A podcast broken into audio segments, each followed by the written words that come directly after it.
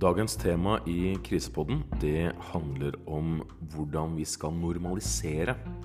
Det handler om hvordan vi skal komme tilbake til en normalsituasjon. Det handler om hvordan vi kan møte våre medarbeidere som ledere etter en krise. Og jeg kommer til å snakke rundt dette temaet ut fra to perspektiv. Det ene er de fasene som en krise går gjennom. Og da har jeg tidligere hatt fokus på individuelle forhold. Hvordan stress påvirker oss. Og det er jo veldig ofte fra stress og stresspsykologi vi har kunnskap rundt hvordan vi skal håndtere en krise. Og her i Krisepodden så har dette med kultur og struktur vært viktig. Og kultur og struktur det er viktig fordi at vi erkjenner, vi må erkjenne, og vi har erkjent at kriser påvirker oss psykologisk. Det påvirker våre beslutninger, det påvirker våre handlinger. Og vi er nødt til og vil bli tvunget til å fatte beslutninger uten nødvendig grunnlag for å fatte de beslutningene. Og det er nå det blir vanskelig når vi nå skal trappe ned. For i denne fasen hvor vi skal trappe ned, så skal vi begynne å gjøre det som man kaller etterarbeidsfase. I den fasen så kommer granskningsprosesser. Der kommer prosesser hvor man skal se på hva var det egentlig som gikk galt. Der kommer de prosessene hvor man skal eh, se på hvordan man kan gjøre dette bedre en annen gang. Og i denne fasen, i denne etterarbeidsfasen, nedtrappingsfasen, og så må vi tenke på hvor er det vi egentlig er nå. Og det som er vanskelig for oss, det er jo at det vet vi egentlig ikke. Når vi skal dele en krise i faser på et organisasjonsnivå, på et samfunnsnivå, så kan vi si at den første fasen vår det er en slags forberedelsesfase. Og det er der vi snakker om beredskap og beredskapsplanlegging. At vi har beredskapsplaner, at man øver, at man trener at eh, de ressursene som eh, vi er så avhengig av, de samvirker slik at de kan finne hverandre og kommunisere best mulig sammen i en krisesituasjon. Og så kommer det en meldingsfase, en varslingsfase, hvor man kommer til kunnskap om en tilstand eller en situasjon som kan påvirke eller true oss. Og da må man aksjonere. Og når man så aksjonerer for å håndtere den trusselen, så er man i en gjennomføringsfase. Og det er den fasen vi har, har levd eh, lenge nå. Og i den fasen så går man fra å være i en form for forberedelse hvor det er uklart hva man skal forberede seg på, så blir det tydeligere hvordan man skal håndtere denne situasjonen, denne nye situasjonen. Og, og der tror jeg vi må si at dette har vi gjort på en utrolig god måte.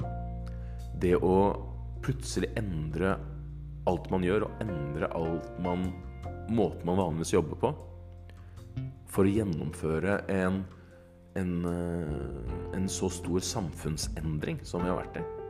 Det, det, er jo helt fantastisk hvordan man har klart det.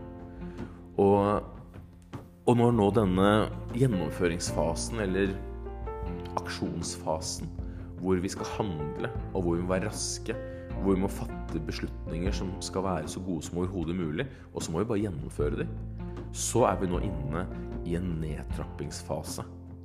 Og i denne nedtrappingsfasen så skal vi gå tilbake til normal drift, normal samvirke i samfunnet vårt.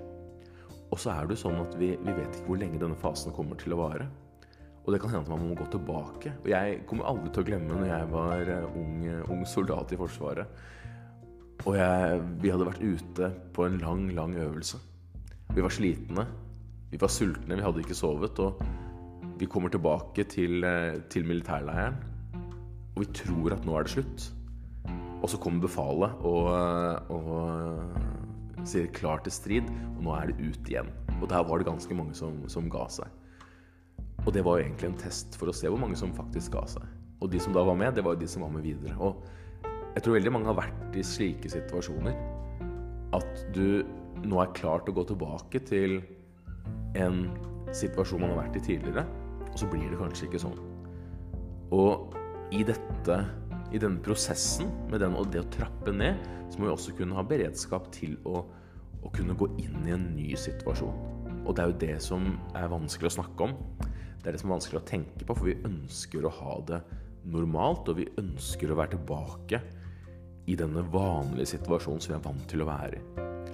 Og da er det veldig viktig hvordan vi gjør denne nedtrappingen, og hvordan vi går tilbake til en normalsituasjon. Og temaet i Krisepodden i dag, det handler om den prosessen. Og det er et tema som er krevende å, å snakke om. Det er et tema som er krevende å forholde seg til. Og vi må velge noen måter å tenke på. Når jeg har forsket på det tidligere og, og skrev en eh, lærebok som jeg kalte 'Håndbok i krisehåndtering', så så jeg på dette Hva gjør vi i denne nedtrappingsfasen, denne etterarbeidelsesfasen? For der kommer at vi må ta vare på hverandre. Vi må sørge for at stressnivået vårt det blir redusert. Både slik at vi går tilbake til slik det har vært, men også at vi normaliserer oss sånn at vi har kraft til å kunne gå inn i nye situasjoner hvis det skulle være nødvendig. Når vi tradisjonelt tenker på når er det behov for en slik etterarbeidelse, så prøver vi ofte å tenke hvor alvorlig har denne situasjonen vært? Har man opplevd å være i fare? Har man opplevd at andre har vært i fare? Kan man føle seg maktesløs? Har man opplevd sterke stressreaksjoner? Har det kommet kritikk i media? Har det vært eksponering i media i forhold til den situasjonen man har vært i? Det er veldig ofte slike parametere vi legger til grunn når man skal dimensjonere en form for oppfølging. Og denne følelsen av maktesløshet, det er på en måte veldig ofte en sånn dimensjonerende faktor. Fordi at det å føle seg maktesløs, det er noe som er veldig vanskelig. Har man vært i fare, på samme måte det å oppleve å ha vært i fare, opplevd at andre har vært i fare, og oppleve sterke stressreaksjoner, det også krever at du får en viss form for, for oppfølging, en viss form for eh, bistand til å, å møte disse følelsene her.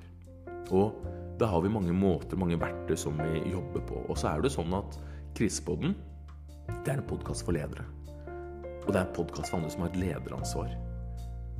Og så betyr ikke det at ledere skal gjøre alt selv, eller at man sitter med all kunnskap til å håndtere situasjoner selv. Jeg kommer til å gå gjennom fire måter å møte sine medarbeidere på. Fire måter å tenke gjennom hvordan skal jeg sørge for da, at mine ansatte er klare til å gå inn i en ny situasjon. Hvordan skal sørge for at mine ansatte får normalisert seg, sånn at de ikke bare fungerer best mulig, men at de har det best mulig. Og da kan vi skille mellom fire ulike nivå når vi skal jobbe med, med dette etterarbeidet. Når vi skal sørge for at vi kommer tilbake og sørge for at vi går inn i situasjonen på nytt. Og det ene, det er det som vi kaller Som man kaller på, på, på en sånn eh, politi-forsvarssjargong en taktisk debrief. At da vil si at nå har vi hatt en øvelse, vi har trent på en situasjon, og så går vi gjennom hva var det egentlig som Hva gjorde vi? Da kommer vi gjerne gjennom kronologisk. Hva har vi gjort? Og det kan for veldig mange nå være noe av det første vi gjør når man på en måte nå begynner å normalisere. Når barna kommer tilbake på skolen, barna kommer tilbake på barnehagen. Å sette seg ned sammen og gå gjennom kronologisk hva er det vi har gjort.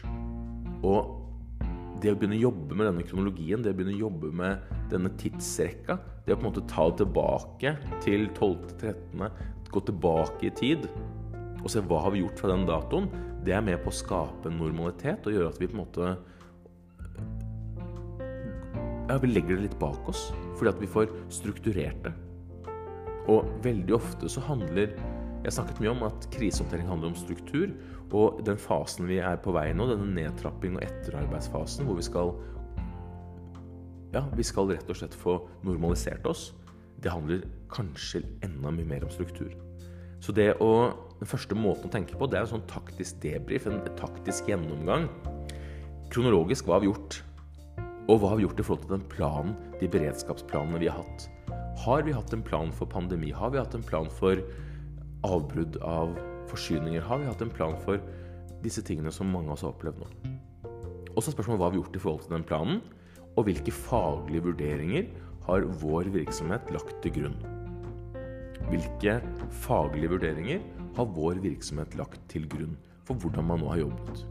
Hvis man har digitalisert, digitalisert en prosess, hvilke faglige vurderinger? Hvem er det man har hatt med inn for å kvalitetssikre? Hvis man nå har levert tjenestene på en annen måte, hvordan har man gjort det? Hva har man gjort i forhold til den planen man har hatt? Har man hatt en plan? Og hvilke faglige vurderinger har ligget til grunn for hvordan virksomheten har møtt denne situasjonen på? Og så lytter vi til følelsesreaksjonene. Men det er ikke det som er tema på en sånn mer taktisk debrief. Og det å gjøre en sånn taktisk debrief, det tror jeg er veldig klokt. Og hvis vi også kan være litt rause når vi gjør dette her, at vi på en måte oppsummerer hva vi har gjort, og hva, er det som har lykkes, hva vi lykkes godt med, hva vi lykkes eh, mindre godt med, og kan kommunisere det og dele det med andre, så er jo det noe som vil være å foretrekke. Vi har sett dette temaet har kommet opp når det har gjaldt sikkerhetsbrudd innenfor IT-sektoren. Vi så det når det gjaldt Hydro. Vi opplevde angrep, Visma opplevde angrep. Og de opplevde å være åpne og ærlige rundt dette. Og det tilfører ny læring. Og så er det sånn at jeg tror vi alle sammen må skjønne det at alle forstår at det er vanskelig å være i en krise. Alle forstår at dette er en uvant situasjon man har vært i. Og hvis vi legger den forståelsen til grunn, så kan vi også lykkes langt bedre i å håndtere neste situasjon. For da kan vi ta fram læringspunktene. Og tar vi fram læringspunktene, så kan vi komme ekstremt langt på veldig kort tid. Så det er den taktiske debrifen. Kronologisk, hva har vi gjort? Hva har vi gjort? Har vi ført logg? Har vi har vi, hvordan kan vi finne tilbake til denne informasjonen? Begynne å rekonstruere det, restrukturere det. Hva har planen vår vært? Hva har vurderingen vår vært?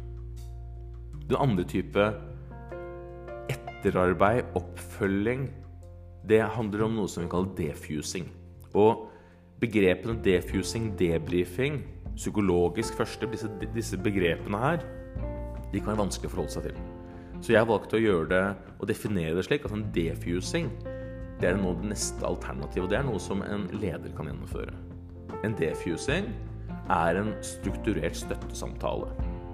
Defusing kommer fra engelsk to diffuse Altså det å gjøre noe ufarlig. Og en defusing, sånn som man kan benytte det, og man kan tenke rundt, det er en modell som vi kaller 3F-modellen. Og 3F-modellen den er veldig enkel. Den er veldig enkel, og den fungerer veldig godt. 3F-modellen handler om tre ting du skal ta hensyn til. Fakta, følelser og framtid. Fakta. Hvor var du før? Hvor var du under? Hvor var du etter denne situasjonen? Hva var det som skjedde? Hva var det du gjorde når du fikk den første meldinga? Hva gjorde du da? Da har vi gått igjennom, da har vi først gjort en, en taktisk gjennomgang. Og så begynner vi å se på ok, nå må vi, den taktiske gjennomgangen den gjør ledergruppa. Men nå må vi trekke inn de ansatte. Trekke inn de ulike teamene, trekke inn de ulike medarbeidergruppene. Trekke inn de ulike støttespillerne som vi har. De tillitsvalgte, verneombudene. Alle disse andre som også utøver lederroller som er veldig, veldig viktige for, for oss fakta. Hvor var du før? Hvor var du under? Hvor var du etter? Hva skjedde? Hva gjorde du? Hva har vi gjort nå? Hva gjorde dere? Så nå går vi bort fra å tenke på organisasjonen, så begynner vi å snakke om de ansatte. Den andre F-en, det er følelser. Og den er det kanskje den mest krevende. Hvordan reagerte du? Hvordan opplevde du det? Hvordan opplever du det nå?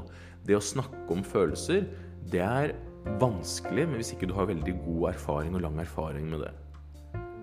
Så jeg pleier ofte å, å, si at som leder, når du skal snakke med dine ansatte om noe som har vært krevende Det å velge en defusing, det handler om å ta, ta dette ned. Og da er det klokt å forholde seg til fakta. For når vi begynner å forholde seg til fakta og definere fakta, hva var det vi faktisk gjorde? Da begynner vi også å forstå at denne situasjonen er over. Det man har gjort, er over. Følelsen skal man lytte til, og så skal du være veldig bevisst på hvilke av dine ansatte er det som nå gir uttrykk for sterke følelser. Og så er det veldig viktig å huske på det at vi har systemer for å ivareta de som har vært det, opplevd dette som veldig krevende. Vi har bedriftshelsetjenesten som skal kunne bistå oss. Vi har helsevesen som kan bistå oss. Men som leder så skal du lytte til disse følelsene. Og så skal du tenke på den siste F-en, og det er framtid. Og det handler om å ha en plan for hva er det som skal skje videre. Hva er den videre strategien? Hva er det videre vi skal oppleve i vår virksomhet?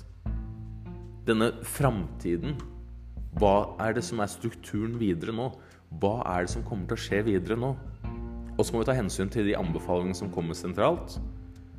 Og så må vi ha et bevisst forhold til hva er det vi har gjort, og hva er det vi kommer til å gjøre.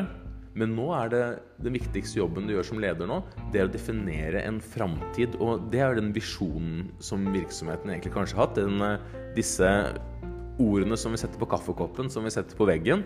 Nå er det viktig å leve de ordene. Og kanskje de skal være annerledes. Kanskje den visjonen vi har sitter igjen med, er noe annet enn det det var egentlig før denne krisen starta. Og det er det viktigste nå. Gå gjennom fakta. Hva er det vi har gjort?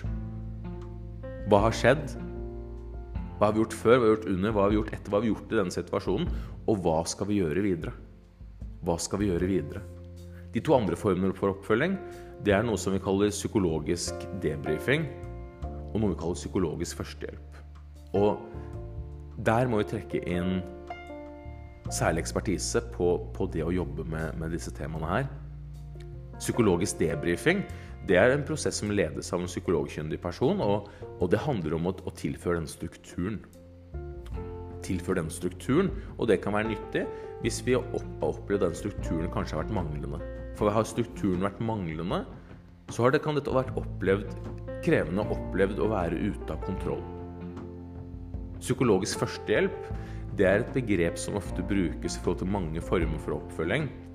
Når jeg snakker om psykologisk førstehjelp og psychological first aid, så er det en metodikk hvor man i utgangspunktet kan forflytte en hel organisasjon. Og tanken er det at man opplever en så stor krise så man må bearbeide dette.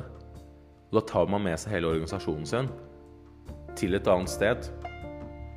Hvor man går igjennom en god del faser. Og det handler om kontaktetablering, det handler om trygghet, omsorg, det å få informasjon.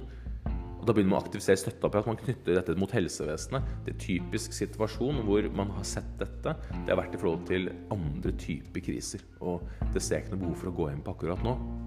Men vi har veldig mange verktøy, og vi har verktøy som er kraftige og kan dimensjoneres for å håndtere enhver form for situasjon.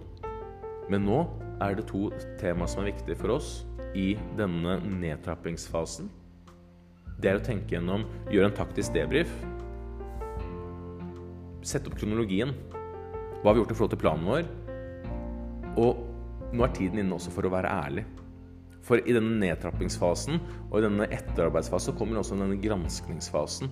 Og denne granskningsfasen den er vanskelig. Fordi at da må man begynne å se på hva skal vi hva burde vi ha gjort? Hva må vi gjøre annerledes for at dette ikke skal skje igjen? Og så er den veldig viktig nå, fordi at vi kan få en ny situasjon om en ny uke som gjør at vi må komme tilbake igjen. Og da er denne gått igjennom i hver enkelt virksomhet. Hva er det vi har gjort? Hva har vi gjort i forhold til planen vår? Hvilke faglige vurderinger har vi gjort? Og jeg vil anbefale også å putte en liten SWOT i den taktiske debrifingen. Og en SWOT det handler om tre faktorer. Strength, weakness, opportunity og threat. Styrke, svakheter, muligheter og utfordringer. Hvilke styrker har vi hatt i de vurderingene vi har gjort? Hvilke svakheter er det vi har sett? Hvilke muligheter har dette skapt, de nye grepene vi har gjort? Og hvilke utfordringer er det vi har sett? Og så må vi tenke hva bør vi gjøre nå? Hva gjør vi nå? Hva er det, vi, hva er det fremtiden bringer oss nå? Ja, vi må gå gjennom fakta. Og da er vi inne på den defusingen. Hva var vi før? Hva, gjorde, hva var den enkelte gjort? Og så må vi tenke på hva skal vi gjøre fremover. Hva skal jeg som leder kommunisere nå til mine ansatte? Hva gjør vi nå de neste fem minuttene, de neste 15 minuttene, de neste fem dagene, de neste 500 dagene? Og det er der vi må være trygge. Og det er her vi må tenke at den visjonen vi kanskje hadde i vår virksomhet før dette startet, det er godt mulig at den har blitt forandra, og den bør nesten også ha blitt forandra. Dette var Krisepodden, og temaet har handlet om hva gjør vi når vi skal trappe ned på organisasjonsnivå, på individnivå.